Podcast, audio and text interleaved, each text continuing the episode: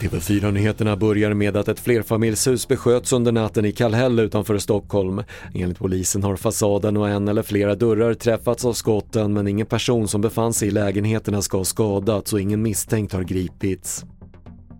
Stora delar av Askersund är utan vatten efter en vattenläcka igår. Flera skolor och förskolor i kommunen håller stängt idag på grund av läckan och enligt kommunen är det oklart när vattnet kan vara tillbaka men prognosen säger att det kan dröja upp till ett dygn.